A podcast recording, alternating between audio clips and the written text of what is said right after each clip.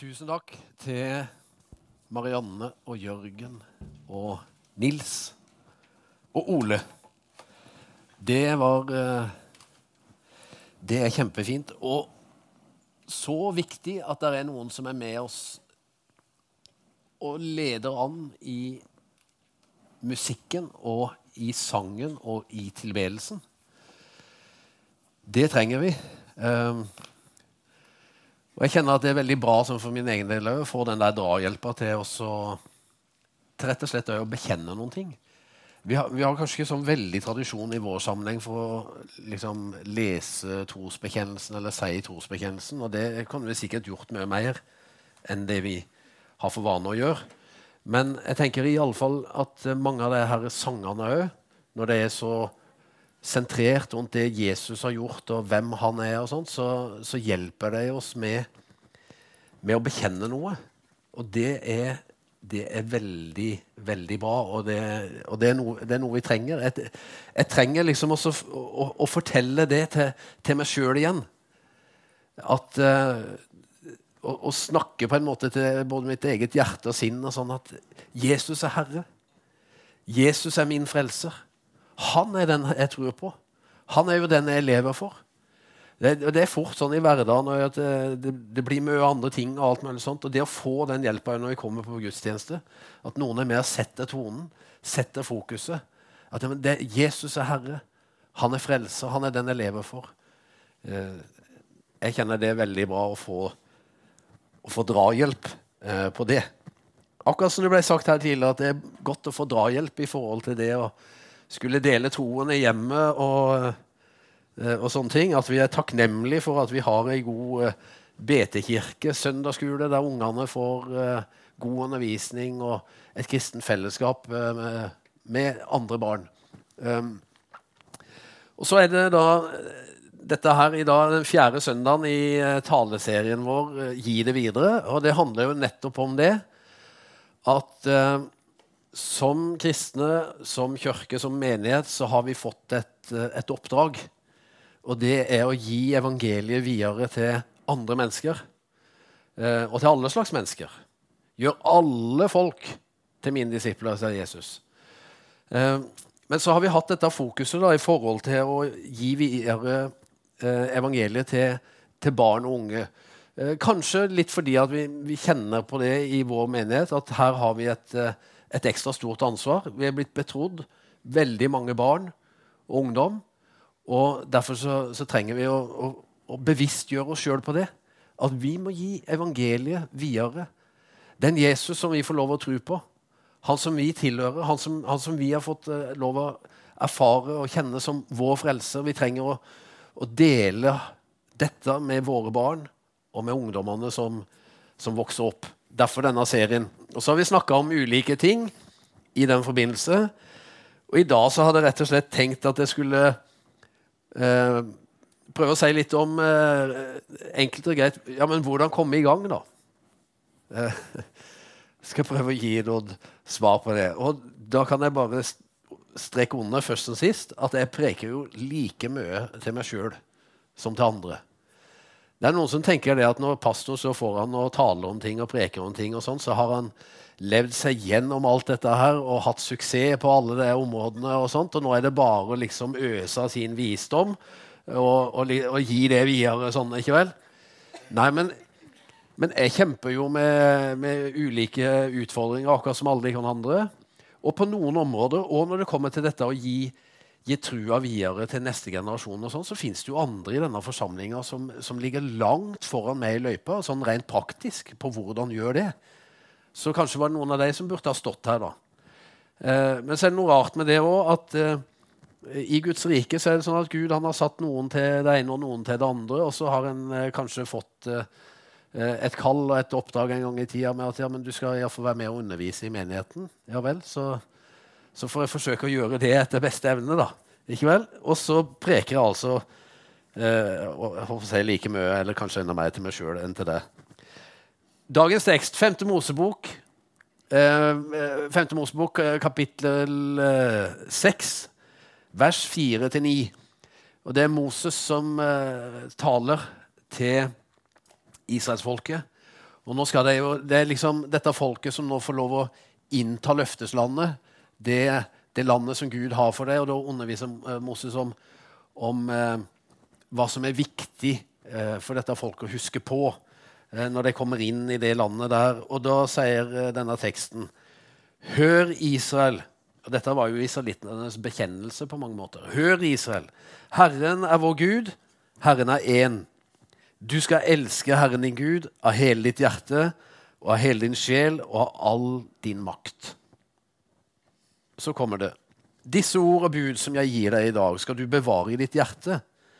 Du skal gjenta dem for dine barn og tale om dem når du sitter hjemme og når du går på veien, når du legger deg og når du står opp. Bind dem om hånden som et merke og ha dem på pannen som en minneseddel. Skriv dem på dørstolpene i huset ditt og på portene dine. Og her så snakker uh, Moses altså til, dette folket, og at uh, de ordene som han eh, deler med deg, og som er Guds ord, det er noe de må ta vare på, og det er noe de må holde seg til. Og så sier han og dette må du gjenta for dine barn. Dette må du sørge for at neste generasjon får del i. At det ikke bare går eh, liksom 30 eh, år, og så har alle glemt dette her. Men at neste generasjon får tak på det. Jeg har tenkt på dette her, at Vi er veldig eh, velsigna på mange måter. At, eh, at så, vi har så mange barn og ungdommer i, eh, i kirka vår. Eh, de er med i BT-kirka, de er med på BT-verksted, de er med på Tweens på fredagene. De er med på Ytre på lørdagskveldene. Det var en eh, fin gjeng som var her i går kveld.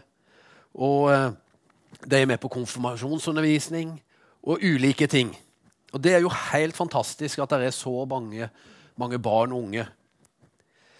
Det som derimot av og til kan være litt deprimerende å tenke på, da, det er at uh, det er alle her undersøkelsene fra, rundt forbi som forteller oss at uh, alt fra 60 til 90% av de som vokser opp i ei kirke, de forlater kirka og trua i voksen alder.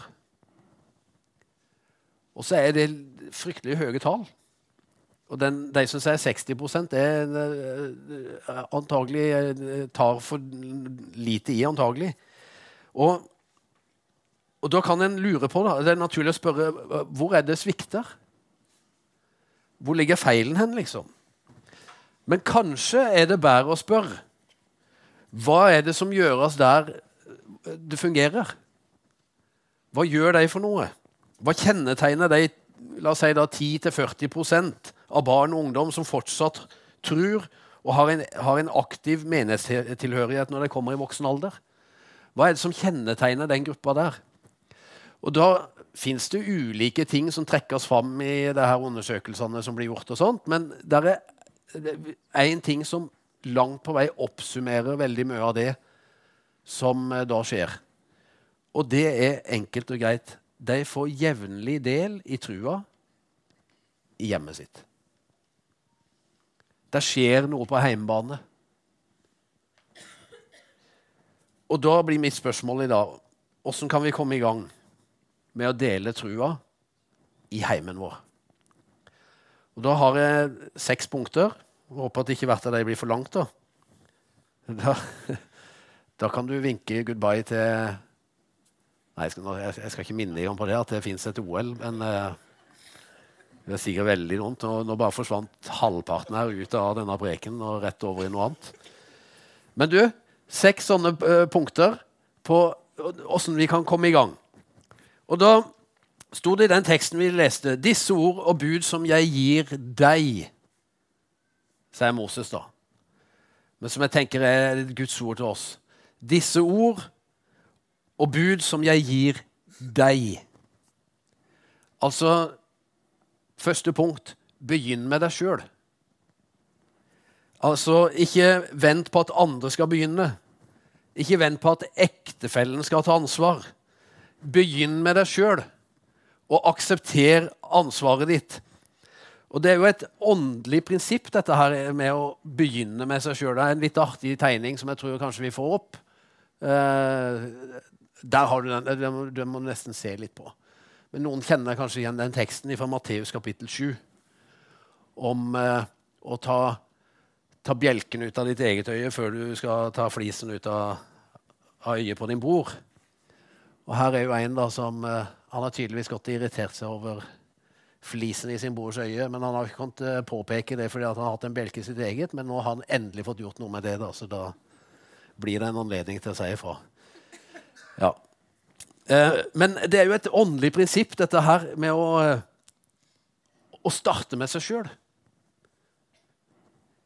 Du har ansvaret for å oppdra dine barn. Du kan egentlig ikke skyve det over på noen andre. Og Det er den voksne generasjonen sitt ansvar å vite hvordan den vil gi evangeliet videre til den neste. Altså, Det er jo ikke motsatt. Men det er vi voksne som må vite noe om det. Hvordan vil vi gi det videre, dette videre til barna og ungdommene våre? Du kan godt be om hjelp fra menigheten. Og det er veldig bra å få til det der gode samspillet. Det tror jeg, det tror jeg er en, en nøkkel, og, og, og, kjempebra. Men når alt kommer til alt, så er det, så er det jo mitt ansvar. Og du kan ikke skyve jobben liksom, med å nå ungene med evangeliet over på en, en eller annen barnearbeider eller barnepastor eller, eller lignende. Men det er først og fremst vi som er voksne, vi som er foreldre. Martin Luther, som vi mye om i høst i forbindelse med reformasjonsjubileet, og, og, og, sånne ting, han sa for flere hundre år siden det hersker ingen tvil om at foreldre er apostler, biskoper og prester for sine barn. For det er foreldrene som gjør dem kjent med evangeliet. Det sa Luther altså for rundt 500 år siden. må det jo da være.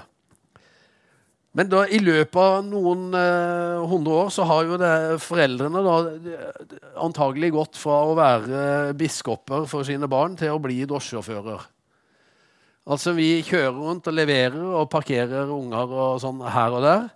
Også, og, og, kanskje litt tendens til det i, i menighetssammenheng. og sånn, Så får vi parkert ungene der, og så er det levert de, liksom. Og så er det en eller annen som eh, tar ansvar og sørger for at de får, får del, i, del, i, trua. liksom. Og så har vi abdisert ifra det som var vårt kall og vårt ansvar. Og eh, ikke minst er det mange fedre som abdiserer som iallfall tenker om det ikke er overlatt det til barnepastoren eller barnearbeideren, så det der overlater det til kona. Det sørger hun for. Å få oppdratt barna i den kristne tro. Altså, Sånn kan det ikke være. Sånn er det ikke bra at det er. Og jeg tror det, det første punktet, og det er et viktig punkt Vi må begynne med oss sjøl. Vi må akseptere ansvaret vårt. Vi må ta tak i det.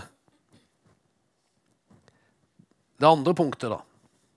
For det står i den teksten at 'disse ord og bud som jeg gir deg i dag' Og det er et uh, bibelsk prinsipp, tror jeg, at, uh, at, det gjelder å begynne nå. Altså det, det, Gud gir oss i dag, er meint for i dag. Vet, noen av dere husker kanskje historien med israelittene når de gikk i vandra i ørkenen. Og så ble de jo sultne så sørga Gud for dem med mat. Det, han eh, lot de få manna, og så var det vaktler. da. Og det her Mannen det, det, vet jeg egentlig ikke akkurat hvordan det ser ut, eller er, eller noe sånt, men det var noen, noen, greier som la seg på bakken i løpet av natta, som de kunne samle inn. Og som, eh, eh, som de brukte til mat. da. Og da var, det, da var det sånn at det de samla inn, det holdt for den dagen. Og hvis de prøvde å spare noe til dagen etterpå, så var det liksom eh, råttent og ubrukelig. Bortsett fra eh, når du kom til sabbaten. Da holdt det liksom eh, for to, eh, to dager. Eh, eller fram til den tredje dagen. da. Eh, og Det er liksom et sånn åndelig prinsipp, et sånn bibelsk prinsipp at, at, Gud han gir oss det vi trenger for dagen i dag. Vær ikke bekymra for morgendagen, men, men lev her og nå. Og utsett heller ikke ting da til i morgen, men begynn nå, i dag. Disse ord og bud som jeg gir deg i dag, de skal du bevare i ditt hjerte. Det er de du skal gjenta for dine barn. Det du får nå i dag. Og eh, det er sånn med viktige ting så skjønner vi at dette her det kan vi ikke bare utsette. Eh, sånn som når Marianne sa til meg Det vet ikke hvor tid det var, men det, må, det er sikkert lenge siden. Men jeg tror vi, vi, skulle en eller annen vei, eller var det noe Om det var høytid jul eller 17. mai, eller et eller annet, så var det iallfall en sånn Jeg husker en sånn beskjed om at eh, Kan du ta ut kjolen fra vaskemaskina? Og da er liksom Og svarer du da? Nei, det gidder jeg ikke. Eller tenker du jeg drøyer den litt? Det, det, kan sikkert vente, eller noe sånt. Du skjønner jo at det er ikke et spørsmål, men det er en befaling. Eh, og du ligger et hemmelig tynt an om du ikke da bare agerer og så får, uh, får den ut av, og, og, og, hengt den opp. Det er, det er, noen ting som du ikke tar sjansen på. Altså Ei umalt list her og der, eller noe sånt, det kan vi overleve. Men glemme da kjolen til kona eller noe sånt, da det, Du skjønner bare her må vi handle. Og litt òg, tenker jeg, når, uh, uten sammenligning for øvrig. Når, men når Gud taler til oss, og når Gud utfordrer oss Så ikke utsett det, da. Men handle på det. Begynn nå. Begynn i dag. Og Noen av dere har tenkt på dette her lenge. Skulle ha, skulle vi ha gjort noe med det? Og, det? og, vi tenker jo stadig på det. Skulle vi ha gjort noe med det? Og så tenker jeg, ja, men Når denne utfordringa kommer på nytt igjen nå i dag, da, så ja, OK, i dag akter jeg å gjøre noe med det. Og så er det rart med det, Hvis vi først bare kommer i gang, så kan det være eh, lettere å klare å fortsette. Livet er skjørt. Vi vet ikke hvor lenge vi har hverandre heller. Vi må ikke ta dagene for gitt, og vi må ikke ta hverandre for gitt. Derfor er den beste tida å investere, den er nå. Den beste tida for å planlegge, den er nå. Den beste tida for å elske er nå. Den beste tida for å tjene Gud er nå. Den beste dagen til å invitere Jesus med hjem er nå. Og den beste dagen å invitere Jesus inn i livet sitt, om du ikke har gjort det òg, er nå. I dag. Alt som skal gjøres i morgen, får vi sjelden gjort. Det vi gjør i dag, det blir gjort. Begynn nå. Og det tredje punktet Begynn med Guds ord og med hjertet ditt. For det ble sagt i den teksten disse ord og bud som jeg gir deg i dag, skal du bevare i hjertet ditt. Og jeg tenker Det rett sted er å begynne når vi snakker om, om å, å, la trua få plass i heimen vår. Og, og, og, det å skulle formidle trua videre til, til den generasjonen som kommer etter oss. Sørge for vårt eget hjerte og vårt eget forhold til Gud. At de orda som Gud har gitt, og det evangeliet vi har fått bli kjent med, at det, at det får slå rot i mitt eget hjerte. At det får plass i mitt eget hjerte.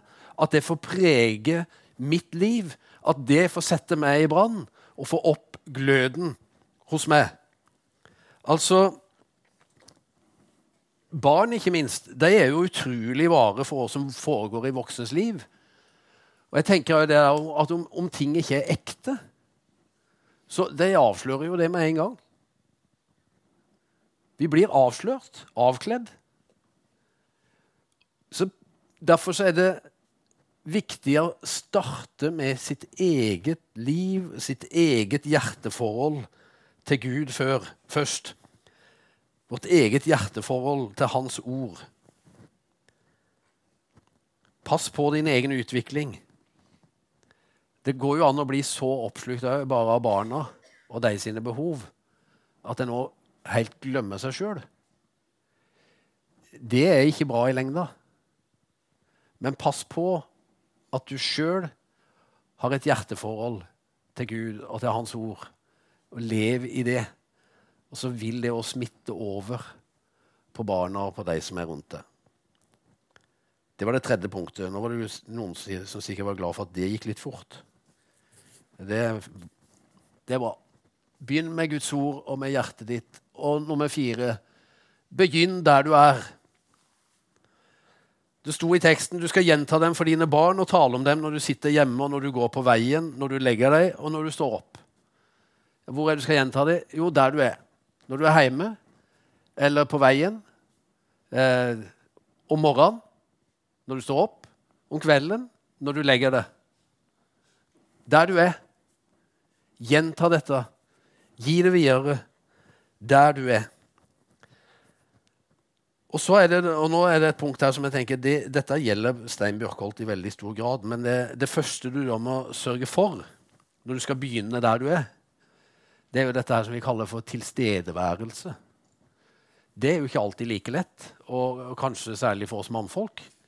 Ikke alltid like lett. Og, og sånn eh, når du har eh, stått på på jobb og alle mulige sånne ting, og du eh, kommer hjem og skal være hjemme med familie og med barn og alle mulige sånne ting, så, så på en måte så er du der, og på en annen måte så er du der ikke. Så tilstedeværelse, da. Det sto en leder i Fevennen 7.2 som hadde overskriften 'Mobbing gjemt av tidsklemma'. Og I den lederen så ble det fokusert på hvordan den moderne tidsklemma gjør det vanskeligere for voksne å oppdage mobbing. Eh, og mobbing blant barn. da. Og, og lederen i avisa oppfordra voksne til å legge vekk mobil og PC og ta seg tid til barna. Og så sto det et sitat der. Tid til barna gir nærhet, oversikt, tilknytning og trygghet. Hvis barn ikke føler seg prioritert, så inngir kanskje ikke foreldre tillit til fortrolige samtaler eller skaper ro nok rundt seg til at barna åpner seg. Det tror jeg lederen i FVN har eh, ganske rett i. Og mobbing blant barn er vanskelig å oppdage, men uhyre viktig å få ta tak i. Litt på samme måten så tror jeg det kan være vanskelig å oppdage hva som egentlig foregår i et barnesinn og i et barnehjerte i forhold til det som har med, med tru og tvil og slike ting å gjøre. Og Dersom det ikke er tid nok, dersom det ikke er ro nok i relasjonen mellom voksne og barn, så vil det kanskje heller ikke være tillit nok til å føre den der typen fortrolige samtaler som får fram de tinga. Dessverre så finnes det undersøkelser som viser at uh, kun 12% av kristne tenåringer har jevnlige samtaler med sin mor om tro. Og skarve 5% har snakka med sin far om det.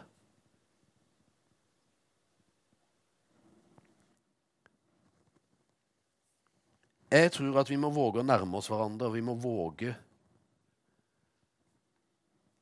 både det å være til stede og det å ha tid og få ro men òg da våge å snakke om tru med barna våre. For noen så kan det virke som et voldsomt steg å ta. Men hør nå, Gud, han sier, eller Jesus han sa til sine disipler Men dere skal få kraft idet Den hellige ånd kommer over dere, og det skal være mine vitner i Jerusalem, Judea, Samaria Unnskyld. Og like til jordens ender. Du og meg vi er kalt altså til å være vitner for Jesus overalt. Men det starter alltid i Jerusalem, og vi kan hive opp til neste bilde. Det starter alltid i Jerusalem, eller det, det starter alltid hjemme. For det var, det, var, det var hjemme det for den første menigheten. Og så sa Jesus det til deg, til deg at men dere skal få kraft idet Den hellige ånd kommer over dere til å være mine vitner i Jerusalem. Altså i den næreste konteksten din. I Samaria, i det området som ligger, nei, i Judea, det området som ligger litt utenfor der i Samaria og like til ikke fjordens ender, men jordens ender. Og, og dette skal du altså få kraft til. Å være et vitne for Jesus. Og jeg tenker at Vi må tro på det òg, at Den hellige ånd vil gi oss kraft og til å være vitner for Jesus i vårt eget hjem. Og Noen ganger er det jo der det kanskje trengs mest kraft altså for å tørre å ta det steget og spørre eller å snakke om tro, tørre å ta det steget, og spørre skal vi be sammen. Vi trenger kraft til det, men det tror jeg Jesus vil gi. Skal vi lykkes som Jesus eh, vitner, så må vi alltid begynne i den innerste sirkelen. Det begynner der, og så beveger det seg utover. Begynn i ditt hjem. Begynn i dine nærmeste relasjoner. Dette gjelder jo for oss alle, om, altså om vi har barn eller ikke har barn. eller det, men, men, begynn i dine nære relasjoner. Det er startpunktet. Og Kanskje skulle vi skrive om det ene bibelverset litt, som, eh, der Jesus han sa det høsten er stor, men arbeiderne få.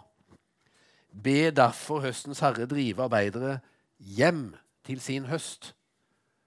For det tror jeg noen ganger at vi hadde trengt å se mer. Det fins en høstår der hjemme som vi ikke må glemme. Og så punkt nummer fem. Begynn med det du har. Det sto noe om det her ordet her at du skulle bevare det i hjertet. Skulle skrive det på panna, på dørstolpene dine og portene dine. Altså, bruk deg sjøl. Hjertet ditt og panna, ditt og panna di og huset ditt og alt dette her. Det er ei som heter Cara Powell, som eh, er daglig leder ved Fuller Youth Institute ved Fuller teologisk seminar. Og De har gjort en del sånne undersøkelser blant, eh, blant, barn og unge og om trosutvikling og sånne ting. Og Hun sier følgende i forbindelse med en stor undersøkelse de gjorde blant eh, kristne ungdommer, eh, kristne tenåringer. Og Da sier hun mange foreldre spør barna sine om deres opplevelse i kirken. Hvordan var de da? Hva lærte dere for noe? Hvilken betydning tror du det kan få på skolen? Og så, og så svarer tenåringene da det var OK. Jeg spurte Johannes i går kveld hvordan det har vært på Ytre. Ja, greit.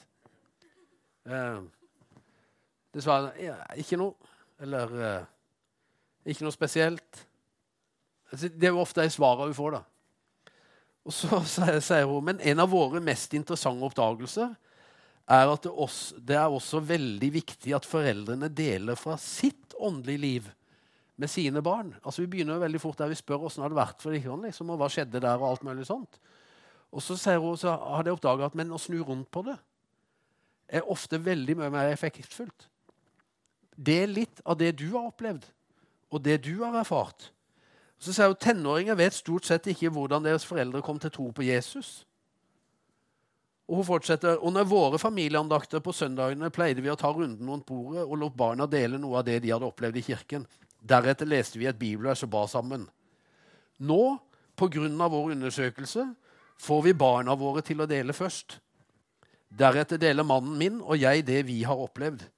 Vi vil at barna våre skal, skal, høre om vår tro og vår åndelige vandring og hva vi leser og hva vi ber om. Jeg tenker det, Bruk deg sjøl, og bruk dine egne erfaringer. Bruk vitnesbyrdet ditt, bruk hodet ditt, bruk huset ditt. Ikke vent eh, nødvendigvis på et eller annet opplegg eller eh, noe sånt, men bare begynn med det du har. Tenk at det du har fått del i, det, det, det er nok det, til at du har noe å gi videre. Og Det er en omskriving av et bibelvers som uh, kommer her, som uh, i The Message. Når Jesus sendte ut disiplene sine, så sa han jo noe sånn at de skulle ikke ta med seg skreppe og stav og alle mulige sånne ting.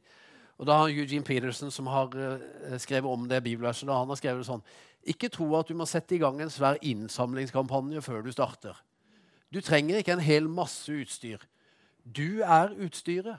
Og alt du trenger for å holde det ved like, er tre måltider om dagen. Enkelt og greit. Men det er akkurat som Jesus sier til, til alle sine disipler at du, du, trenger ikke en hel masse andre ting. eller noe sånt. Du er utstyret. Du er det instrumentet som jeg vil bruke. Du er, du er ikke avhengig av et, et, svært budsjett og masse ansettelser og, og, og alle mulige sånne ting. Men du er utstyret. Først og fremst du og meg. Ikke gjør dette her til en sånn pengegreie et spørsmål om ressurser. Barna våre de kommer ikke til å bli frelst først og fremst at vi begynte å ansette mange flere i Misjonskirken. eller noe sånt. Jeg tror det avhenger først og fremst av dermed. Vi som er foreldre. Våre naboer òg kommer heller ikke til å bli frelst eller, uh, fordi at vi nødvendigvis ansetter mange flere. Eller Nei, de, de, de trenger jo oss. At naboene sine er litt på. Det store spørsmålet er jo om vi vil ta Jesus med hjem inn i vår hverdag. Siste punktet Vi hopper litt fort fram til det nå. Begynn med det endelige målet for øyet. Det sto noe om eh, bind dem på hånden som et merke og ha dem på pannen som en minneseddel. Skriv dem på dørstolpen i huset ditt og på portene dine. Um, det er en forskjell på å drifte en familie og det å lede en familie. Å drifte en familie og være ytrestyrt, det å lede en familie og være indrestyrt. Å drifte en familie handler om kontroll, effektivitet og regler, kanskje. Å lede en familie handler om retning, hensikt, familiefølelse. Og Da er du ikke bare drevet av ei eller annen sånn gjøreliste, men du er drevet av en visjon. Og Her tror jeg det ligger en stor forskjell. Jeg tror dessverre det er altfor mange familier som er drevet av sånne gjørelister. Vi skal ha gjort det og det og det, og det, og det er masse sånne ting vi skal rekke. Og, og, og mange sånne trivielle eh, saker òg, egentlig. Sånn, og hverdagslige saker da, som vi skal få gjort. Og til slutt så koker alt sammen ned til bare å, være en hel masse sånne ting. Og så mangler den store overordna visjonen og den store overordna målsettinga. Hva er det egentlig alt dette her dreier seg om? Hva er det egentlig alt dette handler om? Hva er det egentlige målet? Hva er det vi egentlig ønsker å oppnå? Og Da kan det noen ganger være at eh, da ble det litt mindre husvask, eller eh, det ble eh, en ting som ble ugjort, eller, eller sånt, fordi at det er noe annet som kommer foran. Det er noe annet som er viktigere. Jeg tror at foreldrenes viktigste oppgave Ja, jeg skal bare si noe om det. Eh, fordi jeg tror det er en feil som av og til blir gjort når eh, et barn blir født inn i en familie. Og det at en gir etter den naturlige fristelsen det er å leve for barnet. Det blir bare barnet og de sine behov det dreier seg om. Det tror jeg er feil. Ekteskapet er ikke til for å oppdra barn. Altså, det ektes mange ekteskap der en ikke har hatt barn. Og det er like fullverdig for det. Ekteskapet er jo derfor at to mennesker kan lære å relatere seg til hverandre og bli de personene som Gud ønska at de skulle bli. Og de barna vi får, de er der jo bare for en gitt periode. Forhåpentligvis så skal ekteskapet vårt vare utover den tida som barna bor hjemme hos oss.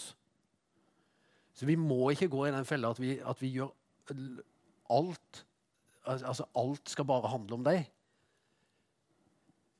Foreldrenes viktigste oppgave tror jeg, er å bli det Gud ville at du skulle bli. Du eksisterer ikke først og fremst for dine barn, men du eksisterer for et menneske framfor Gud. Først og fremst. I et slikt perspektiv så blir foreldrenes ansvar òg i forhold til ungene å gradvis overføre deg sin avhengighet av oss til å gjøre seg avhengig av Gud. Det tror jeg er en god kristen oppdragelse. At den avhengighet som barn naturlig har til sine foreldre, den gradvis overføres til å bli en avhengighet av Gud. Paulus han sier det er ham, Jesus, vi forkynner, og vi rettleder og underviser alle mennesker i den fulle visdom for å føre hvert menneske fram til modenhet i Kristus for å nå dette målet arbeider og kjemper jeg i hans kraft, den som virker i meg med styrke. Paulus hadde et mål, at han ville føre ethvert menneske fram til modenhet i Kristus. Og jeg tenker Det er et godt mål å ha som, som, kristne foreldre. At jeg ønsker å hjelpe de barna som vokser opp her i mitt hjem, det som er mine barn, til, å, til, til full modenhet i Kristus. De skal bli voksne, selvstendige mennesker som lever i et avhengig av Gud, som lever et liv overgitt til Gud. Det er det jeg ønsker å hjelpe deg fram til. Hva er ditt mål? Hva står skrevet i hånda di? Hva står skrevet på panna di? Er det bare sånn husk gymtøy i dag, bursdag onsdag, trening på torsdag klokka fem, hente igjen halv sju? Jeg mener jo ikke at alle de tinga der ikke er viktige. Men hva er, hva er det overordna målet? Den overordna målsettinga? Har du en gudgitt visjon for deg og din familie? Eller var det noe du kanskje skulle be om i dag? Gud, gi meg en sånn visjon for min familie og for mine barn. Da skal jeg slutte. Kjære Jesus.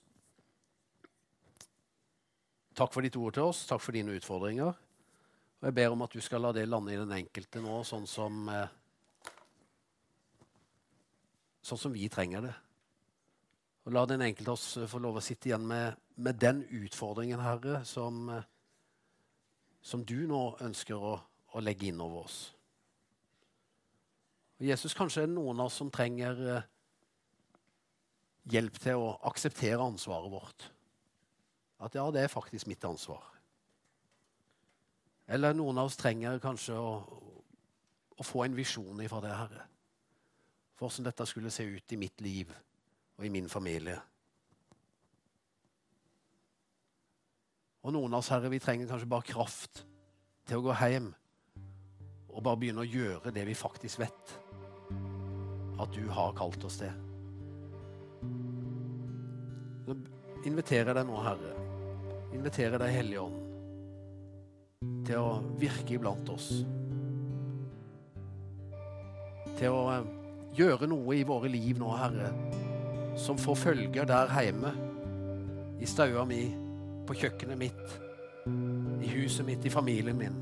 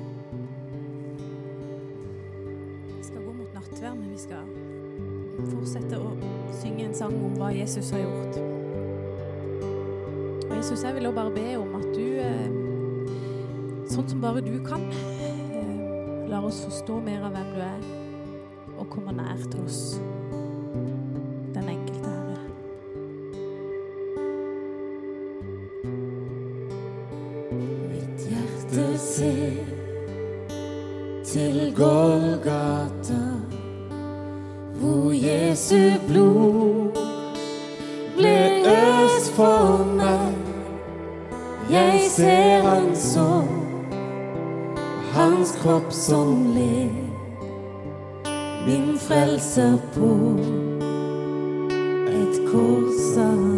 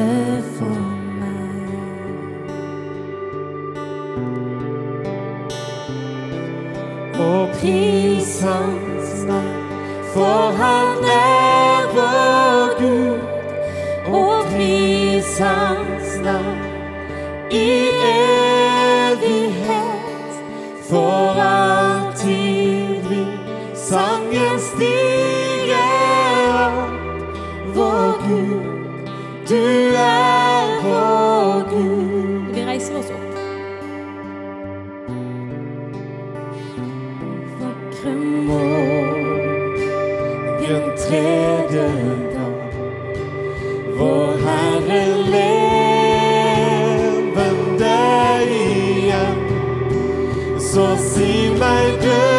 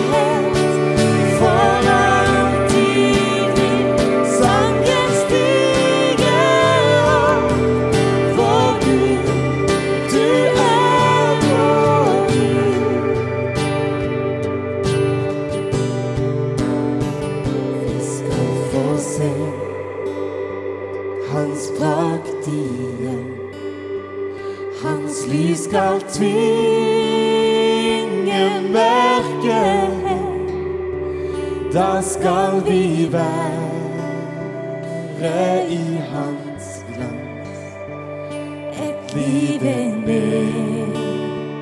sie hält mich.